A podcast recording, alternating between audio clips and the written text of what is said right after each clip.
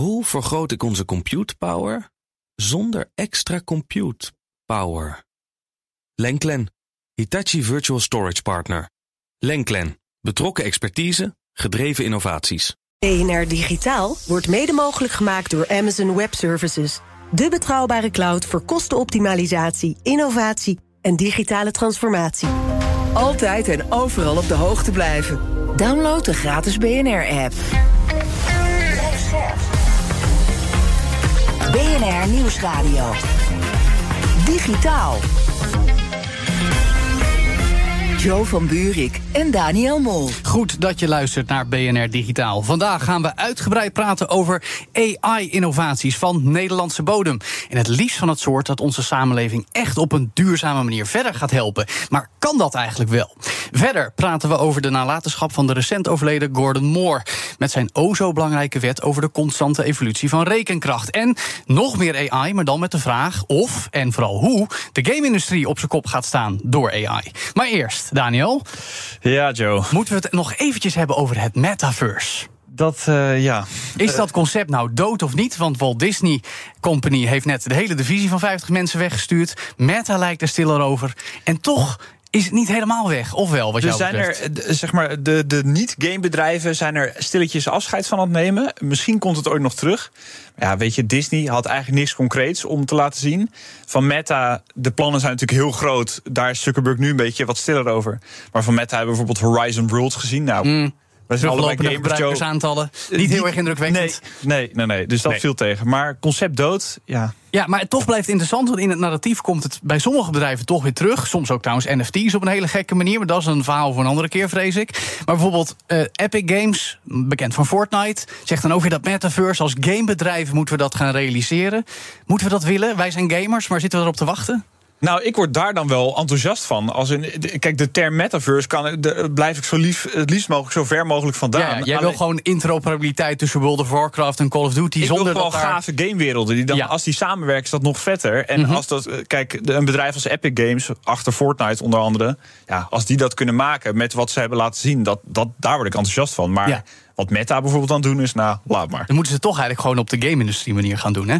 Ja, en dat, uh, is heel logisch een beetje borstklopperij, maar dat roepen wij volgens mij al jaren, Joe. Ja, dus, ja dat uh, metaverse moet er toch wel gewoon komen. Of niet, want dan, bedoel, voor sommige mensen met kinderen... is het dan moeilijk genoeg om ze tegen Roblox te beschermen. Ja, maar Hoe moeten we dat met de dat metaverse dan weer de negatieve afdronk. Ja. Uh, ik denk dat je als je werelden op een mooie manier kan combineren... en daar ook nog een game-element in kan zetten... dan, dan is dat natuurlijk wel gewoon, dat is gaaf. Dat is gaaf, ja. Maar er zijn Zonder, wel risico's. Ja, en zonder gekke verdienmodellen. En uh, nee, dat, dat moet je niet doen. Volgens mij vraag je heel veel. Maar goed. Iets te veel misschien. Te veel. Jo van Buurik en Daniel Mol. Waar we ook veel van vragen en vooral veel van verwachten is de AI-revolutie. Die is in volle gang, want bijna iedereen weet inmiddels dat ChatGPT teksten genereert. En Microsoft zulke toepassingen in bekende programma's als Word en Outlook gaat fietsen. De mogelijkheden lijken onbeperkt. Maar is dat echt zo? Want hoe zorgen we dat die mogelijkheden ook voor iedereen goed tot uiting komen... zonder nadelige ongewenste effecten, zoals we dat helaas wel eens vaker zien met digitale technologie? Dat gaan we bespreken met tech-ontwikkelaar Jelle Prins en Quintus Schevenels, investeerder investeerder in techbedrijven. Welkom beiden. Ja, leuk hier te zijn. Leuk mannen, dank dat jullie hier zijn. Gelijk even mijn simpele hoofdvraag. Hoe gaan we ervoor zorgen dat er met AI maatschappelijk verantwoorde toepassingen komen... die niet verpest worden door kapitalisme? Jelle? Hele goede vraag. Nou, uh, ja. Goede openingsvraag, lekker.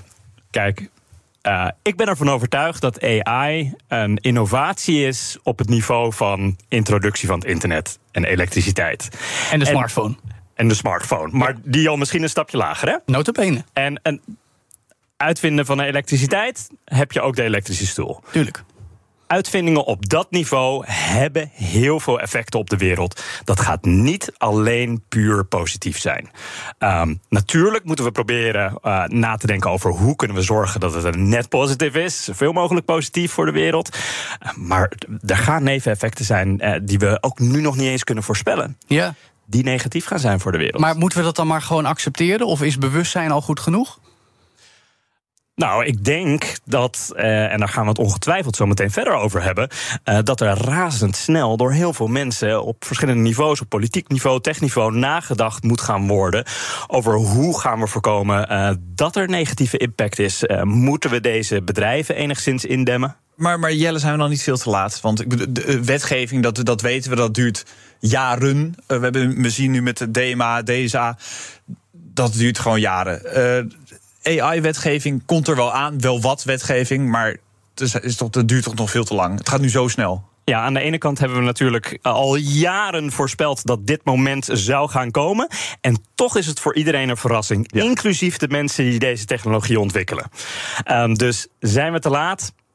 Ja. Um, maar vandaag is dan wel de, misschien de dag om daarmee te beginnen. Ja, maar het is interessant, interessant dat je het hebt over vandaag de dag. Want enkele uren voordat we in deze studio kwamen te staan, lazen we in de krant, of beter gezegd, luisterden we naar BNR het nieuws dat er een petitie naar buiten is gekomen. Ondertekend onder meer Elon Musk himself, Steve Wozniak.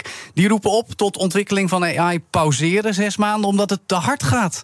Quinten, wat dacht je toen je dat hoorde of las? Nou, ik vond dat op zich niet onlogisch, zeg maar, dat ze die oproep doen. Het is een beetje ook wat, wat Jelle zegt. Overal het is dit.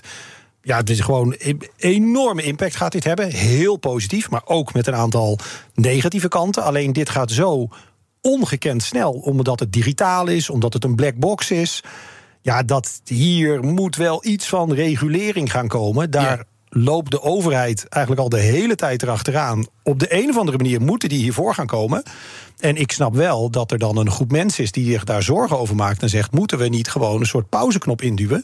Dat we überhaupt de gelegenheid hebben met elkaar die discussie te voeren. En waar nodig dat ook vast te leggen in wetgeving. Want anders dan ga je misschien wel een pad in waar die computer. Uh, zo slim en zo snel wordt dat we hem ook niet meer terug in de doos krijgen. Ja, maar, maar dan, dit is toch eigenlijk een onmogelijke vraag. Ja, want is het realistisch? moeilijk. Dit, dit, is, Jelle, uh, dit is een technologie die dag na dag zo hard ontwikkeld. Elke week nieuwe aankondigingen, nieuwe mogelijkheden. GPT-4 is nog maar net aangekondigd. En nu al van, oh, daar moeten we stoppen. En we weten dat de opvolger alweer wordt warm gedraaid. Dat kun je toch niet even... A, je kan zo'n pauze van zes maanden toch niet afdwingen. En B, dan ga je toch niet regelgeving en alles kunnen bewerkstelligen, of wel? Ja, aan de ene kant is natuurlijk de kat uit de zak. Mm. Aan de andere kant, we hebben het als mensheid eerder gedaan. Uh, dit soort technologische ontwikkelingen tijdelijk op pauze zetten. Echt? Wanneer? Uh, ontwikkelingen op bijvoorbeeld het klonen van mensen, het genetisch modificeren van embryo's en dergelijke. Um, dus het is niet geheel ongehoord.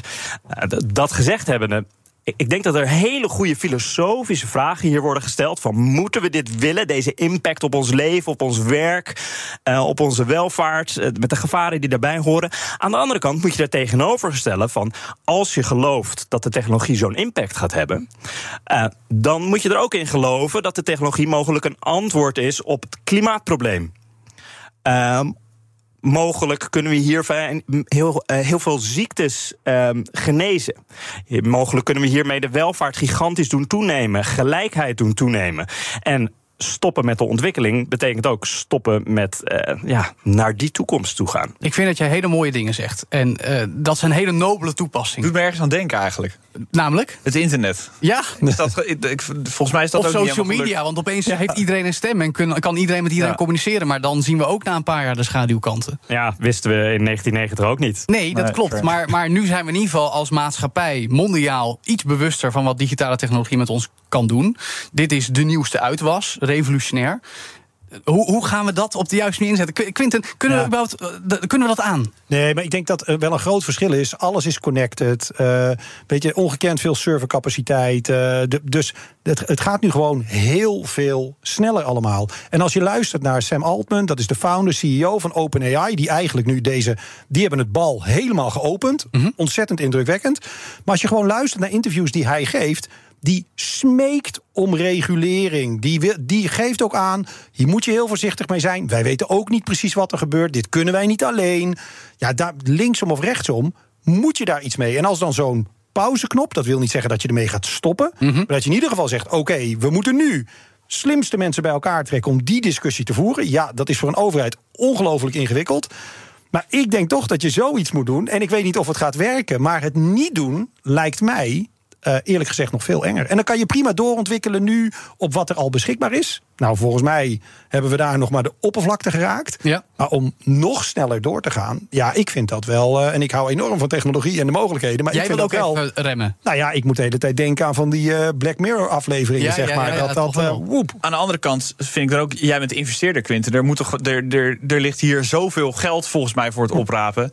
Dan zou je toch zeggen, joh, ga lekker door met innoveren en eh, we zien wel waar we uitkomen. Of- Nee, maar niet tegen iedere kost. Ik bedoel, het is natuurlijk niet dat je investeerder bent om eh, alleen maar zoveel mogelijk geld te verdienen. En eh, Nee, de tactiek van de verschroeide aarde daarna, dan zien we het wel. Nee, dat moet natuurlijk wel op een verantwoorde manier, vind ik. Oké, Ehm Jelle, om even met jou te beginnen. We draaien hem even een beetje om. Ehm, je noemt net al een paar abstracte voorbeelden. Heb je ook al concrete voorbeelden, misschien waar je zelf al mee bezig bent, dat je denkt van zo gaan we AI binnenkort al gebruiken en dat gaat ons allemaal helpen?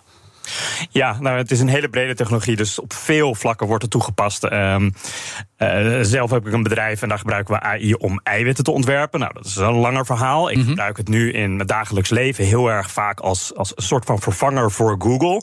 Eh, zeker eh, als je met iets bezig bent waarbij je meerdere pagina's via Google zou eh, bezoeken voor onderzoek, eh, meerdere zoekopdrachten zou uitvoeren. Dan kan ik dat nu vaak combineren in één prompt voor ChatGPT.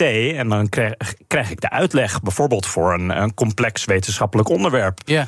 Ehm, daar zitten nog wat risico's aan vast. Nou, het ik is niet zeggen. altijd correct. Ja, die kennen we. Ehm, maar het kan mij fantastisch eh, wetenschappelijke concepten die complex zijn, heel versimpeld uitleggen. En vervolgens zeg ik van, oh, kan je me daar nog eventjes wat meer over vertellen en daar nog wat meer over vertellen?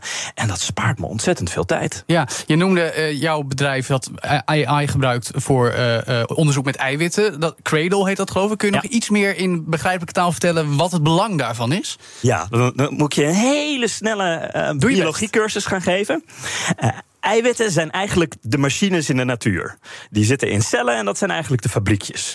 Een eiwit pakt een molecuul, eh, eh, haalt die uit elkaar en maakt daar nieuwe moleculen van. Je Ja. kent het van je favoriete drank, die wordt gemaakt met suiker en die maakt daar alcohol van. Juist. En eh, zo zou je, als je eiwitten kan ontwerpen, eh, kan je daar bijna alles wat we gebruiken. Medicijnen, brandstof, stoffen voor onze kleding, voedsel, alles kan je daarmee maken. Dus eigenlijk een universele bouwstof. Ja, eh, in de, de maag van een koe, heel versimpeld, wordt gras omgezet in melk. Precies. Ja.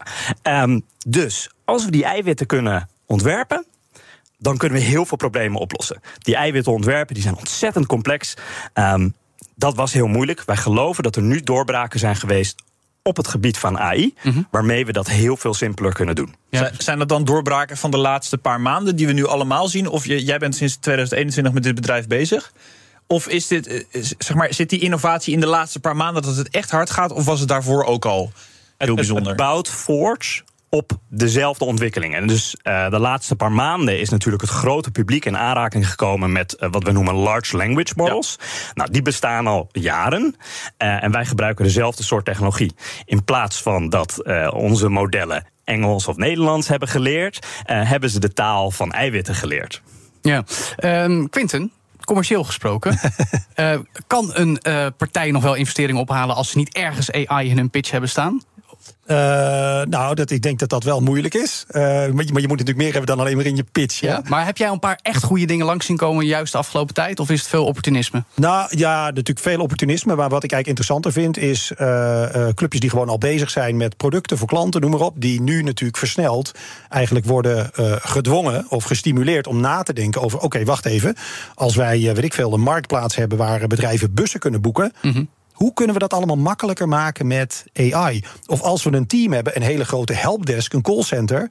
Hoe kunnen we dat veel beter maken met AI, met chatbots? Ja. Dus ik zie het meer niet. Ik kijk niet specifiek naar bedrijven die echt een soort als core business iets met AI hebben. Daar gebeuren wel interessante dingen, maar daar ben ik onvoldoende echt helemaal in de hardcore AI ben ik onvoldoende bekend. Maar ik vind wel gewoon bedrijven die digitale producten hebben nu, websites, apps. Wat doe je er eigenlijk mee? En Ja. daar, ja, daar zie je ook gewoon de, eh, de, de, de energie, de ideeën, dat iedereen aan het nadenken is. Maar wow, wacht even, dit was gisteren een enorm probleem. Dat kunnen we voor klanten nu gewoon in één keer gaan oplossen. Ja, dat is heel mooi. Maar kijk je alleen naar die oplossing of ook naar de ethische verantwoordelijkheid die er op de lange termijn genomen wordt voor zover een potentiële pitch daar überhaupt aandacht voor heeft? Want Ja. ik kan me voorstellen dat je als ehm, ja, geëngageerd investeerder wel wil weten: ik ga mijn geld steken in iets wat de wereld gaat verbeteren. Uh, ja, nou, je wil. Mee? Ja, nou, het is niet per se dat je je geld steekt in iets wat per definitie de wereld echt moet verbeteren. Nee, nee, maar wat nee, je niet zou willen is iets dat de wereld echt verslechtert. Ja. Uh, maar als ik eerlijk ben, als ik kijk naar type bedrijven waar ik naar kijk, waar ik investeer zit dat niet heel erg in die hoek dat je denkt: oh, oké, wacht even, dit is een soort recruitmentbedrijf. En nu gaan ze in één keer eh, vrouwen in het algoritme naar beneden duwen en mannen erboven. Nee, precies. Nee, maar de vraag is misschien ook nog iets breder. Ik bedoel, eh, we hebben het over wat het internet aan mooie, maar ook slechte dingen heeft gedaan. Social media, hetzelfde geval. Bij AI weten we natuurlijk los van dingen als bias en dus discriminatie en hallucinaties nog niet zo goed wat de echte risico's zijn, omdat het zo nieuw is. Is dat überhaupt breder dan dat in te schatten of is dat echt een black box? En kijk jij ook aan, want jij doet hier onderzoek naar immers. Uh, tot op zekere hoogte is het natuurlijk een black box. Um, en ik denk dat uh, waar veel mensen bang voor zijn, en onder andere, ik weet niet of je geïnvesteerd hebt in een bedrijf wat ervoor zorgt dat helpdesk-medewerkers straks um, ik bedoel veel maar, efficiënter worden. Nee, oh, nee, nee, nee, dat, heb ik, dat heb ik niet gedaan. Maar ik vind het wel een heel mooi voorbeeld. Ze mogen zich ja. melden. Ja. Uh, dus misschien gaat de helpdesk straks van 100 medewerkers naar 10 medewerkers, ja, naar, naar 5 ja, enzovoort. Um, en dus ik, ik, begrijp het heel goed dat mensen daar op dit moment bang voor zijn. En dat geldt voor heel veel banen. Ja. Uh, gelijkertijd zorgt dat er misschien ook weer voor. Um, dat we meer vrijheid gaan krijgen in het soort werk wat we gaan doen. Ja, uh, Jij denkt dat die belofte van AI gaat ons zoveel opleveren en tijd vrijmaken, dat we die tijd ook echt kunnen gebruiken. In plaats van dat die weer opgevuld wordt met nieuwe dingen die we eigenlijk niet willen doen. Maar dat is een beetje ja, de belofte. Nou, hè? als, je, als je kijkt naar de geschiedenis van wat automatisering heeft gebracht, ja. um, dan heeft dat er over het algemeen voor gezorgd dat we. Um, ja, banen zijn gaan doen die we iets leuker vinden, beter uh, kunnen doen. Dus ja. Meer welvaart, betere zorg, beter maar wel onderwijs. Met een hele pijnlijke overgangsfase, hè, waar mensen zich niet ja. konden aanpassen. Dat is zo. Ja. Ik ben ook benieuwd, jongens, hoe staan we ervoor als Nederland en misschien wel als Europa?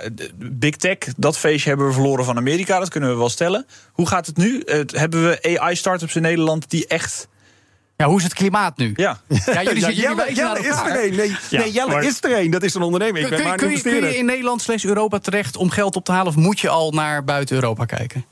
Nou ja, uh, wij hebben wel buiten uh, Europa geld opgehaald, ook, uh, ook van Europese investeerders. wij worden op dit moment dagelijks benaderd door investeerders. Dus hmm. ja, maar is nu willen ze heel ook, veel geld. Ja, nu willen ze ook. En, en, en Quinten, jij organiseerde laatst een ChatGPT meetup. Ik was daar ook bij. Er zaten een heleboel makers, investeerders, andere goeroes. Heeft dat ook nog dingen opgeleverd? De ideeën met elkaar van, nou, we gaan in Nederland zorgen dat er, dat er, dat er een voedingsbodem ontstaat op korte ja. termijn? Ja, denk ik wel. Ja, dat was ook het idee achter die meetup eigenlijk gewoon mensen bij elkaar trekken om hierover te praten, na te denken. Ook een beetje met het idee dat dat uh, zeg maar helpt om ook gewoon AI in, in, in, Nederland, in dat ecosysteem hier gewoon prominenter terug te laten komen. Mm -hmm. En wat je daar eigenlijk ziet is gewoon uh, de, de kruisbestuiving ook van partijen die zeggen: hé, hey, maar uh, jij bent dat aan het doen. Hoe doe je dat eigenlijk? Hey, wat kan ik daarmee? Ja. Dus ik denk dat dat een beetje vooral versnelt in het denken erover, de toepassingen, wat je ermee kan doen. maar ja, dus ik, ik, denk dat het dat vooral is. En dat, dat was ook. Jelle heeft eerder dit jaar ook een grote hackathon georganiseerd. Ja. Beetje vanuit dezelfde filosofie. Hè. Hoe kan je vanuit Nederland, met alle slimme koppen die we hier hebben, het kapitaal dat hier beschikbaar is, de infrastructuur die er is, hoe kunnen we zorgen dat we hier ook een, een lead nemen, zeg maar, in het toepassen van AI? Nou, wil je die laatste dat- vraag even beantwoorden van jezelf? Ja, nou nee, maar ik denk juist door gewoon te zorgen dat we hier heel goed nadenken met slimme mensen over welke toepassingen kan je allemaal doen met AI. Ja. Dat we dat ook gaan stimuleren, dat er ook geld voor beschikbaar komt. Ik zou als overheid zou ik daar ook een specifiek fonds voor maken. Ja. Ik denk dat Hoeveel dat- geld hebben we nodig? Tientallen, honderden miljoenen? eh, nee, wel honderden miljoenen heb je zo wel nodig als je Ja. een beetje serieus mee wil doen. Dat Ja. denk ik wel. Dit- Ja. Maar jullie zeggen, door de AI-revolutie is dit onze kans om een antwoordje tegen Silicon Valley te gaan opbouwen. Nu is het momentum. Of, of eh, is het eigenlijk alweer te laat? We moeten wel, denk ik, toch? Uh, ik, ik zou een, een klein beetje die uitspraak aanpassen. Zeg het even. Ehm, Miljarden. nou, nee, ik denk juist, uh, Quinten zegt met slimme mensen. Ja. Ik zeg juist. Iedereen moet hiermee aan de slag gaan. Ja. Eh, heel veel mensen zijn bang voor de verandering die gaat komen. Eh, je gaat niet zomaar vervangen worden door eh, een AI. Je gaat vervangen worden door iemand anders die wel met die AI aan de slag gaat. En dus iedereen moet er mee gaan spelen en gaan bedenken van wat betekent dit voor, voor mijn leven, voor mijn werk. Ehm, en Ja? dus daarvoor had ik die hackathon georganiseerd. Om Ja. te zorgen dat iedereen ermee aan de slag gaat. En kwam daar ook echt iets uit tot slot waarvan je denkt van... oké, nu hebben we goud in handen als we dit echt gaan doorzetten met elkaar. Nou, of daar uh, mooie bedrijven uit voortkomen, uh, geen idee. Er zijn nog heel aantal die zijn nog steeds bezig met, uh, met de ontwikkeling. Ja. ik denk dat het belangrijker is dat iedereen toen al onder de indruk was van wat ze binnen 24 uur konden gaan bouwen. Mm -hmm. een jaar geleden had dat maanden of jaren gekost. Ook omdat ze aan ChatGPT even de code kunnen vragen om het te realiseren. Ja, bijvoorbeeld. Dus AI helpt AI ontwikkelen. Maar, maar nu ik gaat denk dat het nog belangrijker is dat um, een paar dagen geleden heeft ChatGPT heeft plugins ja, aangekondigd. Ja, okay. waarmee je in ChatGPT data vanuit andere diensten, bijvoorbeeld je e-mail en je documenten kan halen. Ja. En uh, Daarna heb ik gekeken naar de verschillende ideeën die tijdens de hackathon in 24 uur ontwikkeld zijn door een klein team met vaak wat technische mensen. Mm -hmm. Met die plugins kan je dat vervolgens in je eentje, in een paar minuten, zonder dat je een enige technische kennis nodig hebt doen. Ja. En dus daarmee wordt de kosten voor softwareontwikkeling wordt zo ontzettend veel goedkoper dat we straks eh, iedereen in principe voor een taakje die ze hebben, gewoon een eenmalige softwareapplicatie kunnen gaan maken. En dat was voorheen was dat natuurlijk ongehoord. Ja, en dat is dan toch wat jij mogelijk maakt. Ja, maar wat ik dan denk is wat zo'n overheid bijvoorbeeld moet doen, is budget beschikbaar maken. Teken nou eens op basis van dit soort toepassingen uit. Hoe ziet het onderwijs eruit? Hoe ziet het de zorg eruit? Als je dat op, opnieuw kan tekenen, hoe ziet dat eruit? Dat is ongekend wat je daar kan realiseren. Nou, dat is het appel dus. Uh, niveau richting Den Haag en Brussel. Dank tech-ontwikkelaar Jelle Prins en tech-investeerder Quinten Schevenels. Straks meer over AI, maar dan in de hoek van videogames. Want hoe gaat die miljardenindustrie opgeschud worden door deze tech-hype? En we blikken terug op het leven van misschien wel de belangrijkste man uit de tech-industrie die ooit geleefd heeft. Maar nu helaas niet meer. Blijf laten. BNR Nieuwsradio. Digitaal. Joe van Buurik en Daniel Mol. Welkom terug bij BNR Digitaal. Dankzij de game-industrie komen veel digitale innovaties al gauw bij mensen thuis. Maar geldt dat ook voor AI, omdat dat zich nu vooral manifesteert met het genereren van tekst en beelden? Dat hoor je zo meteen. Eerst beschouwen we het leven en vooral het credo van een tech-icoon. Want enkele dagen geleden overleed Gordon Moore, de medeoprichter van chipgigant Intel, op 94-jarige leeftijd. Nog groter dan zijn rol als co-founder is misschien wel die van profeet. Want volgens de wet van Moore verdubbelt elke twee jaar de rekenkracht van computerchips. En die geldt nog altijd als drijvende kracht. Maar hoe lang nog? Dat bespreken we met Thomas Hoogstenbach, chip-expert bij Tweakers.net. Welkom Thomas. Goedemiddag. Goed dat je er bent. Durf jij te dat Gordon Moore misschien wel de belangrijkste persoon ooit is geweest op het gebied van onze digitale technologie? Dat is wel een hele grote, de belangrijkste persoon ooit. En dan komen natuurlijk ook gelijk allemaal andere namen naar boven. Mhm. Steve Jobs, Bill Gates. Nou, wat Steve Jobs en Bill Gates een beetje voor de softwarekant waren, dat was Gordon Moore wel een beetje voor de hardwarekant. Ja, en, en waarom? Omdat hij echt als een van de vaders van de computerchips mag worden beschouwd? Ja, hij is zelf persoonlijk verantwoordelijk voor een van de eerste echt praktisch bruikbare geïntegreerde schakelingen. Uh, daarna heeft hij natuurlijk Intel mede opgericht. Nou, Intel is een gigant geworden. Hij is heel lang ook nog CEO gebleven van, uh, van Intel. Dus hij heeft in die zin wel een enorme rol gespeeld. Ja. ja, dan gaan we het gelijk ook even hebben over zijn wet, hè? Moore's Law. Hoe is die tot stand gekomen? Ja, hij werkte toen nog niet uh, bij Intel, dat had hij toen nog niet opgericht. Hij werkte toen nog bij, bij Fairchild. En hij uh, werd gevraagd in een interview: hoe zie jij nou chips veranderen in de komende tien jaar? Ja. Dus dat ging eigenlijk maar van 1965 tot 75. Mm -hmm. Um, en toen zei hij: Nou, ik denk dat elk jaar het aantal transistors verdubbelt. En daar waar baseerde hij dat op? Ja, dat is een goede vraag. Want op dat moment had je het letterlijk nog over chips met enkele transistors, enkele tientallen was het een beetje een, een sfeertje in Silicon Valley aan het ontstaan van hey, hier zit wat. Heel voorzichtig begonnen ze dat te ontdekken. En inderdaad, die, toen was het echt nog kinderspel, wat, waar we het over hadden. Maar inderdaad, ja, ga door. En, en, en nou ja, als je blijft verdubbelen de hele tijd, ja, dan, kom, dan gaat het op een gegeven moment wordt dat exponentieel natuurlijk. Wordt, gaat dat heel snel door. Um, nou, en dan, dan krijg je, we hadden het toen over tientallen en honderden. Inmiddels zitten er miljarden ja. transistors in een chip. En hij heeft wel zijn voorspelling nog één keer tussentijds aangepast. Na een jaar of tien bleek elk jaar toch een beetje veel.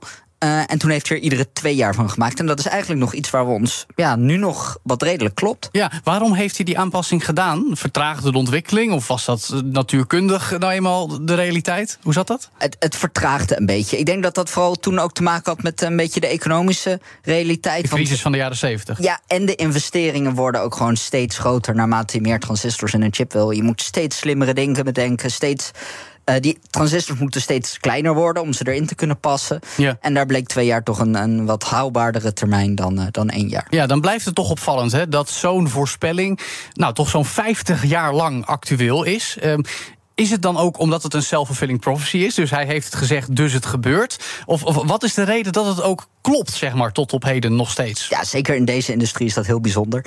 Ik denk inderdaad dat het een self-fulfilling prophecy is geworden. Je ziet echt dat als je naar een roadmap kijkt van een Intel, maar ook van een ASML, van een, van een Samsung, van een TSMC, die pakken die wet for more en die gaan dan eigenlijk bedenken hoe kunnen we de techniek ontwikkelen, de technologie ontwikkelen, om over uh, twee jaar weer een verdubbeling te kunnen bewerkstelligen.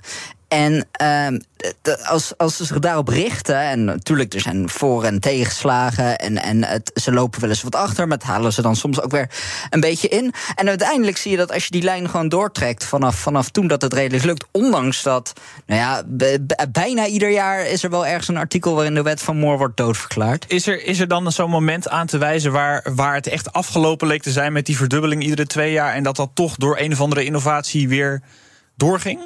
Ja, vooral gewoon de continue verkleining werd steeds lastiger. Want op een gegeven moment kom je echt dat hoe kleiner je het maakt, terwijl je, je, je de apparaat waarmee je het maakt, die, die gaan niet zo snel vooruit. We hebben het inmiddels over, over structuren op chips die zijn enkele atomen dik. Ja. Ja, dan op een gegeven moment dan, dan wordt de foutgevoeligheid zo groot bij je productie, dan, dan kan het eigenlijk niet meer verder. En wat je dan bijvoorbeeld hebt gezien, is dat um, toen die schaling in 2D uh, ja, echt wel tegen zijn limiet aan zat. Dat, uh, dat in eerste instantie Intel uh, naar 3D-transistors is overgestapt. Waarbij er ook een beetje de hoogte in werd gewerkt. Mm -hmm. In plaats van alleen maar hè, in een, in een 2D-wereld dingen kleiner te maken.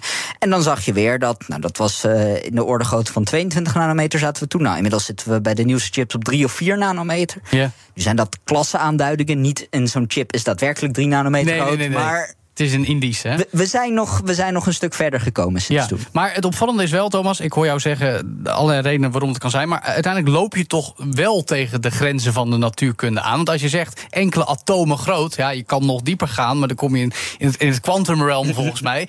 Is er een grens of kunnen we nog altijd kleiner, kleiner, kleiner?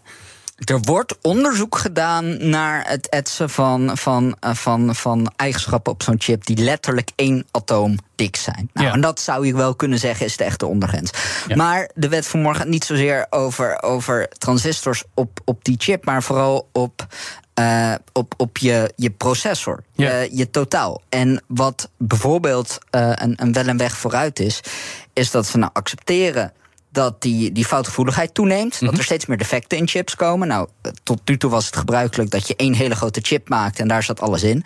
Nou ja, als je elke chip kan weggooien als er één defectje in zit en je hebt een hele grote defectratio, ja, dan kan dat natuurlijk niet. Hmm. Dus wat je bijvoorbeeld ziet gebeuren is dat steeds meer fabrikanten overstappen op zogenaamde chiplets. Dat zijn kleine chipjes, die plakken ze eigenlijk aan elkaar, laten ze met elkaar communiceren. Beetje modulair werken. Modulair. En als er dan een defect zit in één zo'n klein chipje, hoef je alleen dat kleine chipje weg te gooien. Pak je een ander klein chipje daarvoor in de plek. En dan kun je de rest van wat je hebt gemaakt gewoon gebruiken. Ja, ehm, even over Intel op zich. Hè? Want dat lijkt toch een beetje de weg kwijt de laatste jaren. We hebben jou een tijd geleden nog te gast gehad in BNR Digitaal... toen we het er ook over hadden. Vele concurrentie van AMD eh, als het gaat om producten. Als het gaat om het daadwerkelijk maken van chips TSMC. Hoe ziet het speelveld er nu uit? Wat, wat, wat is is de nala- nalatenschap van Moore als het gaat om Intel? Ja, Intel was eigenlijk altijd toch een beetje de voorloper in de industrie. We hebben heel lang gehad dat Samsung TSMC echt een paar generaties achterliep op wat Intel kon. Eh, toen is Intel een beetje het midden van het vorige decennium echt enorm vastgelopen. Eh, hebben ze heel lang stilgestaan, de kans gegeven aan Samsung, aan TSMC om ze in te halen. Eh, ze hebben nu een nieuwe CEO, Pat Gelsinger, sinds een paar jaar. Eh, die heeft de investeringen fors verhoogd, juist ook in chipproductie. Aan de andere kant de realiteit een beetje onder ogen gezien. En wat er nu gaat gebeuren is dat de volgende generatie Intel-processors... wordt voor een deel bij TSMC gemaakt. Hm, samenwerken dus. Ja, die bestaan uit van die chiplets. En dan sommige chiplets komen van Intel zelf en sommige van TSMC. Ehm, dat is wel een groot verschil. Want Intel is ook een tijdje geleid door, eh, door een voormalig CFO. Dat was dus echt een, een financiële man. Eh, die had geen, niet zelf een, een, een background in engineering. Dat heeft Pat Gelsinger wel weer. Eh, en je ziet wel dat de roadmaps nu weer een stuk. Uh, ja, een stuk ambitieuzer zijn geworden. Maar of het dan ook daadwerkelijk gaat lukken, het blijft heel lastig. Uh, Intel lijkt er in ieder geval wel weer iets beter voor te staan dan, uh, dan een paar jaar terug. Hebben die subsidies daar dan ook wat mee te maken? Dus in Europa betalen we heel veel geld om het TSMC, Intel hierheen te krijgen. In Amerika doen ze nog veel meer. Is dat een belangrijke, belangrijke oorzaak?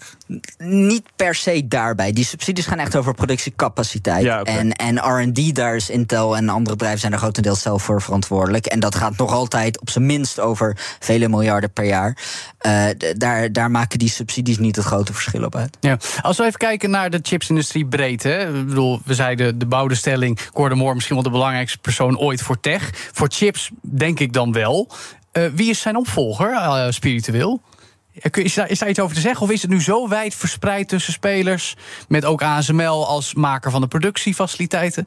Hoe, hoe, kun je nog zo'n profetisch figuur hebben tegenwoordig? Ja, hij heeft, hij heeft, meerdere opvolgers in die zin. Bij ASML zit natuurlijk Martin van der Brink als, als uh, CTO... die echt wel een, een, ja, een beetje die evangelistische functie heeft. Mm -hmm. Intel heeft dus zelf nu weer een CEO die echt een engineer is. AMD heeft dat sowieso wel. Uh, Morris Chang leeft toch ook nog? Dat is toch ook wel. De, de, de oprichter van TSMC is toch ook wel een. Ja, maar ik denk dat die wat minder op de voorgrond treedt. Dus natuurlijk voor ja. ons ook wat lastiger, omdat het geen, geen, geen Amerikaan of Europeaan is. Dus dan, dan denk je van, eh, dat kun je wat, wat lastiger mee ja, sorry, Ik zit nog helemaal in dat, dat boek Chip War van Chris Miller. Dat als we even BNR Digitaal Boekenclub mm. kunnen doen, aanrader, ga dat lezen. Dan lees je over al die gasten die heel klein begonnen en allemaal wereldbedrijven hebben opgezet. Ook ja. ASML. Ja. Echt briljant. Dus, ja. Maar daar staan dus al die namen in ook wat dat betreft. Van mensen die we in de gaten moeten houden wie de volgende Gordon Moore gaat worden. Nou, dat niet zozeer. Het gaat vooral over het, het verleden. Mm -hmm. Dat is echt, uh, daar zie je zeg maar dat ze allemaal heel klein begonnen. En dan bijvoorbeeld uh, deze Gordon Moore ging dus weg bij Shockley, begon zijn eigen bedrijfje. En toen uiteindelijk ook nog Intel begonnen. Ja, dat ja. fascinerende tijd. Hè. Ja, nou, de, dus de, toch wel de meest inspirerende man in de chipswereld ooit. Uh, ik denk dat heel veel engineers van nu wel naar hem hebben gekeken, naar zijn wet vooral ook hebben gekeken. Mm -hmm. Bij hun keuze om, uh, om, om uh, ja, de, de, de richting van chipontwerp of chipproductie in te gaan. Ja, en zo blijft het dus een inspirerende man voor in de eeuwigheid. Dankjewel. Thomas Hoogstenbach, chip-expert bij tweakers.net. Digitaal. Zoals de hele techwereld bezeten is van AI en wij het dus ook op de voet proberen te volgen bij BNR Digitaal, geldt dat ook voor de game-industrie. Tenminste, dat zou moeten blijken tijdens de Game Developers Conference, het jaarlijks event voor de industrie in San Francisco, dat afgelopen week weer plaatsvond. Of AI ook daar het nieuwe buzzword was, vragen we aan Joost van Dreunen, universitair hoofddocent aan de New York University en investeerder, nu live bij ons vanuit de VS. Welkom Joost weer. Goedemorgen. Hey, goed dat je er bent. Ja, het tijdsverschil, dat blijft mooi. Joost, wellicht is de vraag stellen hem eigenlijk ook beantwoorden. Maar was AI ook het buzzword op deze GDC in San Francisco? Absoluut. Ik werd er helemaal gestoord van. Het was uh, zeg maar de helft van de gesprekken die ik daar had, uh, die kwamen puur daarop op aan. Dus artificial intelligence als een nieuwe manier om games te maken en, en levels te ontwerpen en non-player characters te vorm te geven. Dat was een beetje het grote punt een van de dingen die dan vaak vergeten wordt, is dat uh, AI eigenlijk al 15 tot 20 jaar lang uh, een rol speelt in de gamesindustrie. Dus het is uh, voor de newbies allemaal hartstikke spannend. Maar voor de, voor de oude garde is het eigenlijk een, een, verlengde van een veel langer gesprek. Ja, ik vind het leuk dat je dat zegt. Want bedoel je daarmee het fenomeen AI als in tegen de computer spelen, non-playable characters? Of, of ook al AI als, als tool bij gameontwikkeling?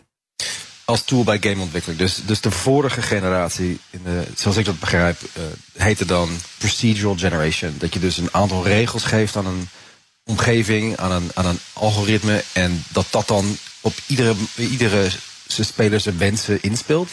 Dus op het moment dat jij een paar keuzes maakt, dat hij dan een andere wereld ge genereert.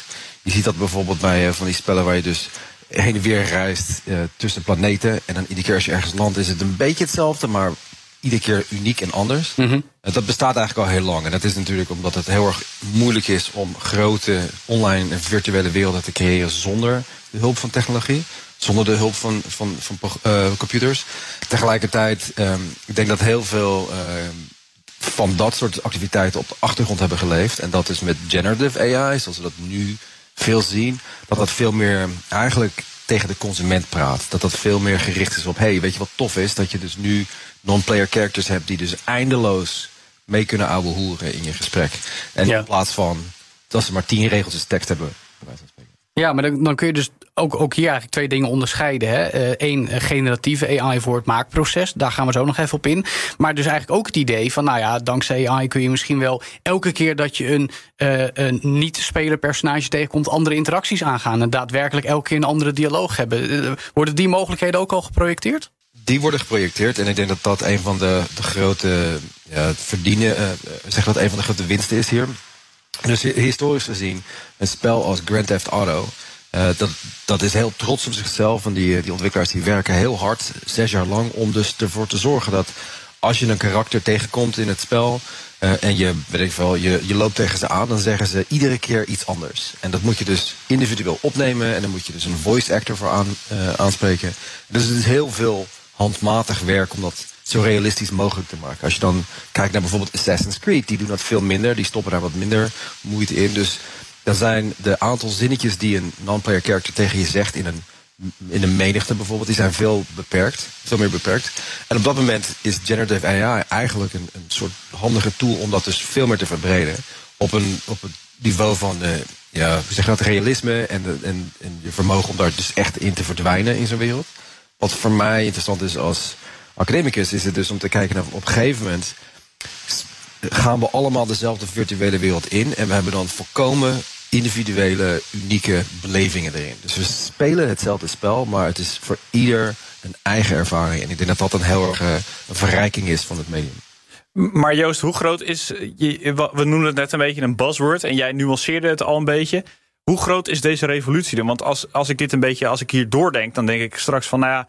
eh, eh, GTA is een gigantische productie nu. Straks is dat misschien niet meer nodig. En kunnen we allemaal dat soort hele belangrijke games maken. Omdat AI een heel groot deel van ons overneemt. Is dit echt is dit een revolutie of duurt dat nog wel even? Ik denk dat het een revolutie is voor een bepaald onderdeel van de gamesindustrie. Voor dus de, de grote producties, zoals ik zei, eh, Grand Theft Auto. dat zal in op de korte termijn hetzelfde blijven. Dat, er zit nog heel veel artistiek eh, ja, zegt gevoel in. En dat kan je niet uitbesteden aan een computer met, eh, met, met een hoop eh, nullen en enen. Ik denk dat op het niveau van de indies en de medium-sized gamebedrijven... dat er dus heel veel eh ja, zeg, veld te winnen is. Je kan dus veel makkelijker een demo in elkaar draaien. Je kan veel makkelijker een pitch maken naar venture capitalists. Je kan veel makkelijker eh, dingen invullen waar je dus normaal eh, ja, uren, en weken, maandenlang mee bezig zou zijn. Dus ik denk dat het een versnelling of een acceleratie is van het ontwikkelingsproces... voor vooral kleine en middengrote game eh, developers.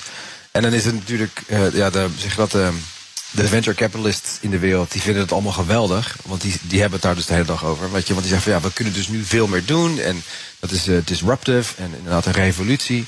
Nou, we zullen wel zien. Want eh, weet je, het is eh, een van de dingen die we dan geleerd hebben over de laatste 10, 20 jaar, is dat het, zoals ze dat zo mooi zeggen, garbage in, garbage out. Dus die large language models, op het moment dat je die dus eh, volgooit met allerlei domme ideeën, en dan komt het natuurlijk ook naar boven.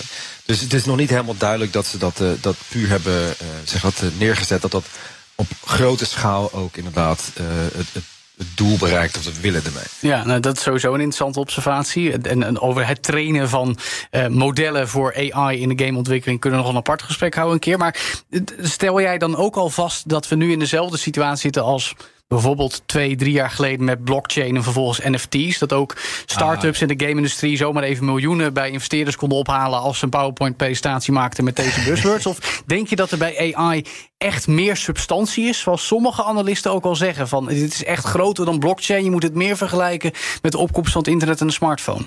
Als we het over AI hebben. Het, het is vergelijkbaar, maar verschillend. Dus het is vergelijkbaar in dat het dus. ja, de gamesindustrie in het algemeen, als, als, als, als eh, introductie hiervan, is ehm, eigenlijk eh, in de laatste paar jaar heel populair geworden. Ook voor venture capital. En wat is de nieuwe innovatie? Wat zijn de nieuwe platformen? De grote techbedrijven zijn dus heel erg geïnteresseerd in games. Dus je ziet een hele snelle evolutie en integratie van nieuwe technologie. En dat is allemaal heel cool en tof.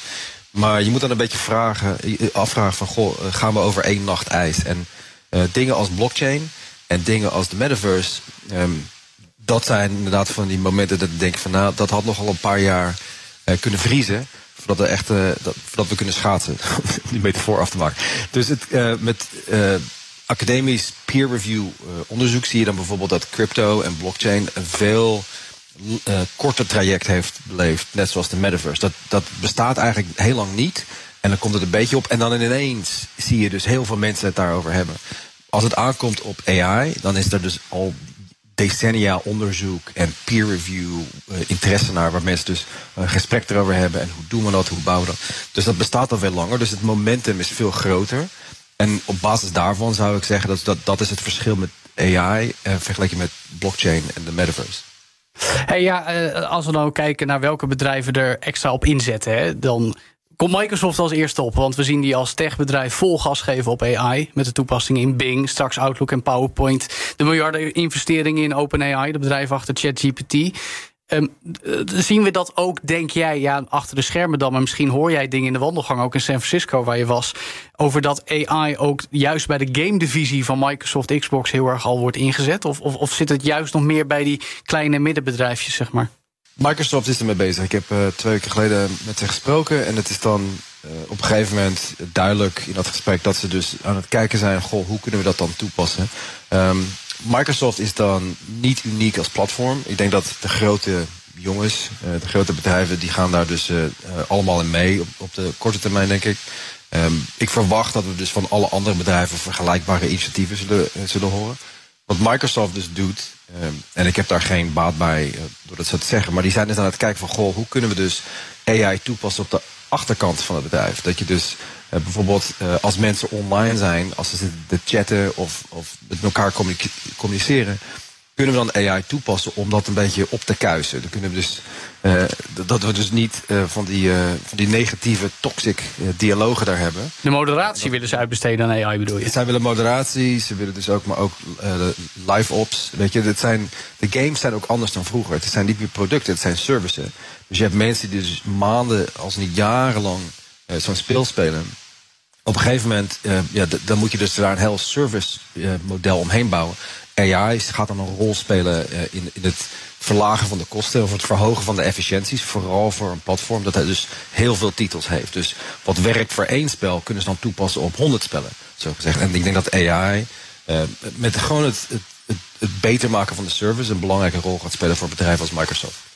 Ja, uh, Joost, denk je wanneer gaan we de eerste games zien die dit zeg maar uh, in hun ontwikkeling echt uh, gaan toepassen? Ik, ik ben eigenlijk best wel benieuwd. Ik snap, GTA blijft nog gewoon handwerk. Dat is een kunstproject, uh, om bijna zo te zeggen. Ja, dat heeft trouwens Selnik als topman van Take-Two eigenlijk ook al gezegd. Ja, ja precies. Ja.